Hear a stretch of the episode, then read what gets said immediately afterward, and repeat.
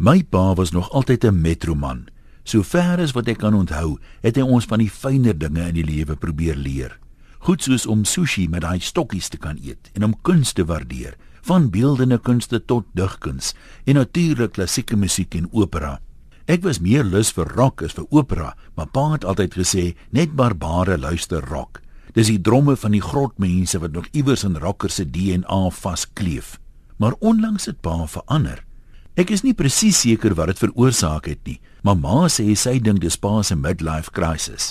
Dit kan dalk wees, want skielik lê 'n paar ooms in ons familie aan dieselfde ding. Dis amper of hulle terugverlang na hulle grotman dae, al het hulle dit nooit self beleef nie. Dit het begin toe pa vir homself 'n fris 4x4 met 'n pitbull attitude gekoop het. Toe kon ons ook soos die ander ooms met hulle 4x4 bakkies by kunstefeeste op die sypaadjie parkeer. Voorheen was pa altyd te oordentlik om dit te doen.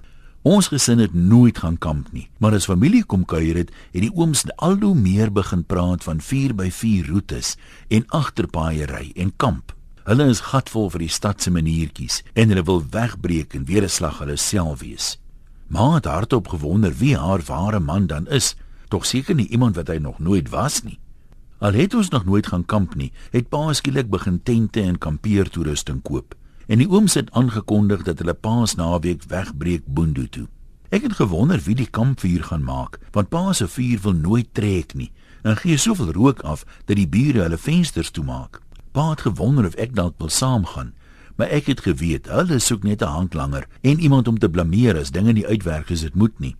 Met eerste lig op goeie Vrydag val pa en die ooms in die pad op hulle grotman toer in pa se reuse luukse 4x4. Dit sou sy eerste proeseltjie grondpad wees en hulle sal nie kan bel nie. Daar's nie sein in die boondoe nie en ons moet hulle eers laat maandag aand terugverwag. Dis was ons nogal verbaas toe hulle Saterdagmiddag weer voor die deur stop. Niks is fout nie en hulle het heerlik gekamp, maar die mans het vreeslik na hulle vrouens verlang. Die weer was wel 'n bietjie van 'n vlieg in die salf. Dit was koud en reënerig en veiligheidsalwe het die grotmanne liewer nie hulle tente probeer opslaan nie. Vuur maak sou ook lol in die nattigheid. Dis het hulle maar deurgedruk en by 'n gasteplaas gaan oornag.